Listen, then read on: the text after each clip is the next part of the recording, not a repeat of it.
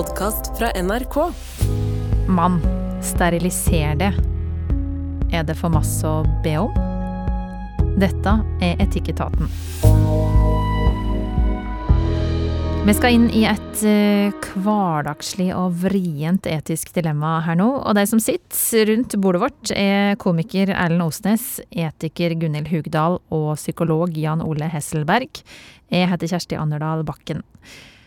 Vi har fått en e-post til etikketaten krøllalfa nrk.no der det står 'Hjelp, vi blir ikke enig'. Og det er Johanne som skriver. Det store spørsmålet er altså skal mannen klippe strengen? Vi har tre friske unger, akkurat som vi har eh, drømt om, og vi er enige om at det er nøkk. I 15 år har jeg sørga for prevensjon, og nå syns jeg mannen min, som det kan kalle Lars, bør ta ansvar.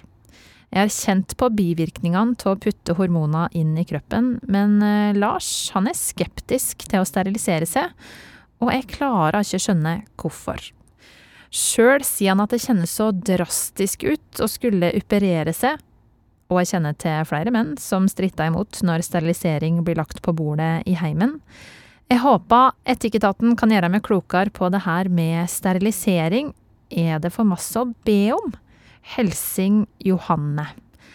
Og det her er altså et par i slutten av 30-åra.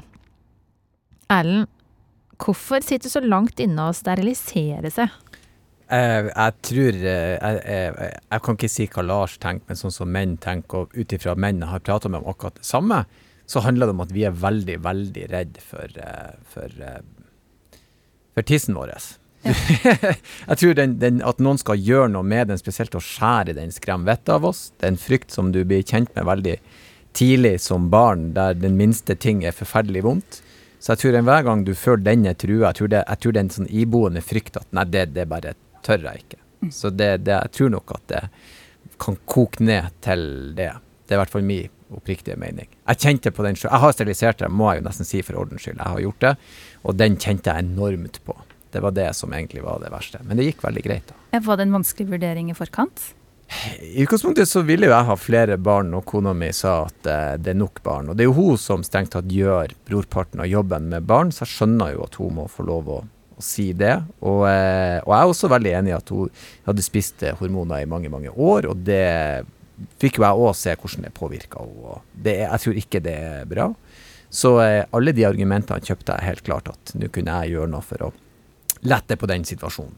Kan du skjønne at Johanne blir ganske provosert da, når du har født tre unger ut av samme type område? Eh, ja da. og det er ikke måte på hvor mange som skal se eh, og ordne opp eh, nedi der. Eh, Gunhild, er du enig i at det er for masse å be om? Sterilisering når du har fått de ungene du vil?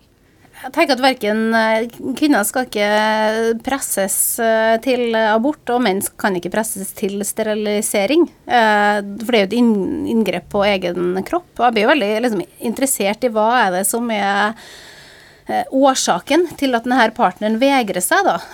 Vi har hatt denne samtalen hjemme i vår familie, og jeg syns det var alvorlig å på en måte be mannen min om å sterilisere seg, fordi at jeg tenkte ja, men enn hvis jeg dør, f.eks. Eh, vi vet jo aldri hva livet bringer. Hva hvis han da møter ei dame som kanskje ønsker et barn, sjøl om han nå i utgangspunktet tenker at han er ferdig, sånn som vi ser livet nå. Eh, så jeg følte at, uh, at det var alvorlig, da. Men klart, det er jo ikke irreversibelt på menn, til sammenlignet med kvinner. Og så tenker jeg òg at, at, noe som det er viktig å tematisere i denne sammenheng, eller er det med at prevensjon har en tendens til å konstitueres som et kvinneansvar, da.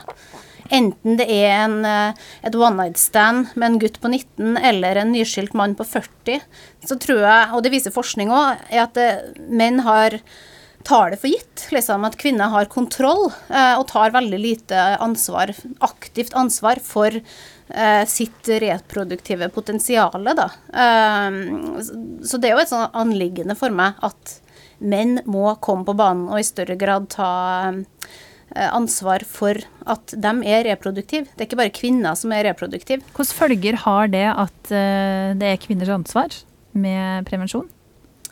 Eh, nei, jeg så noe av det i forskninga mi. Det er jo f.eks. det at uh, i og med at mange menn bare tar for gitt da, at uh, det her er trygt liksom, for kvinner å ta ansvar, jeg trenger ikke å spørre engang, liksom. Um, så blir det òg en sånn logikk på at uh, uplanlagte svangerskap lett da kan konstitueres som kvinners feil, liksom. Kvinners skyld. Og at det igjen, da, hvis en kvinne velger å fullføre et uplanlagt og uønska svangerskap, så konstitueres, konstitueres det som kvinners eh, ansvar at mannen sitt liv blir ødelagt, i hermetegn. Jeg leste en nettsak på nrk.no om det her, og det virker bl.a. som at folk også er redd for liksom, tap av manndom. Kan det skje noe i huet på folk som steriliserer seg, Jan Ole? Ja, altså jeg tenkte kanskje et uh, perspektiv som er viktig å bringe inn her, er jo at forskning på sånne type spørsmål som det er, altså sånne store valg og moralske uh, spørsmål, det viser jo at vi det er et skille mellom det vi kan oppfatte å være enig i rasjonelt og argumentativt, og det vi føler. Så de tingene trenger ikke å henge sammen. Og hun jo, beskriver jo her at hun blir litt sånn frustrert over at eh, skjønner ikke mannen argumentene. Altså jeg har gjort dette i så mange år. Eh, nå er det hans tur, vi skal uansett ikke ha flere barn. Eh, og det kan godt være, altså forskningen viser jo at det kan godt være at han er helt enig i de tingene. Og at han rasjonelt kan forstå det. Men at han likevel har en følelse som gjør at han ikke ønsker det. Og det følelsesapparatet vårt er jo et resultat av eh, evolusjonære krefter.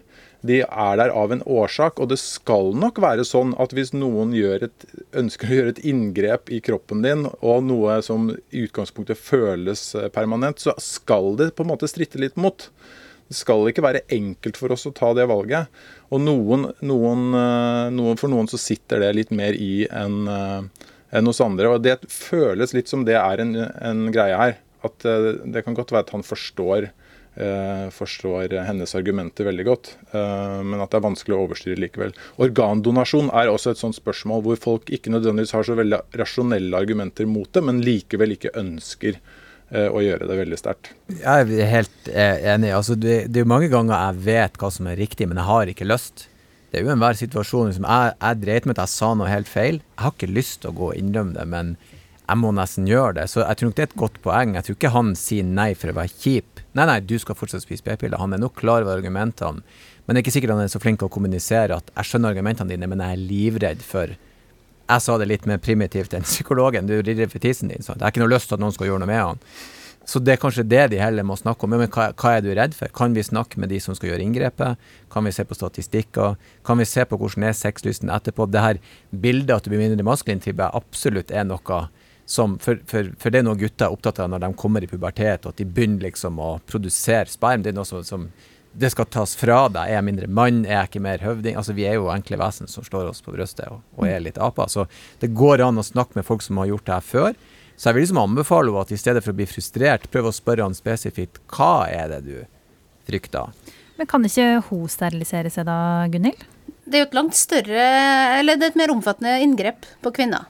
Uh, og jeg tror nok at jeg ville ha følt litt på urettferdigheter i det, da, etter liksom det enorme inngrepet som et svangerskap er på, uh, på kvinnekroppen. Uh, og mannen min hadde jo en lang prosess på det her.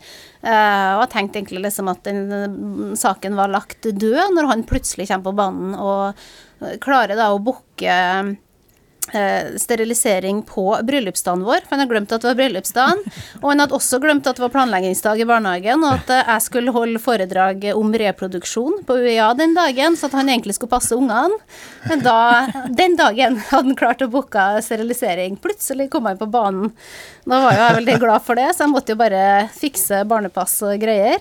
Og det ble ikke så mye feiring av den bryllupsdagen. Men, eh, men jeg, jeg, tenker at jeg, jeg tror nok at eh, eller jeg skal ikke si hva andre kan føle, men jeg hadde nok følt litt på liksom, at det hadde vært litt urettferdig, da. Etter liksom fire svangerskap og uh, x antall måneder der du er så kvalm liksom, at du knapt nok klarer å åpne kjøleskapet.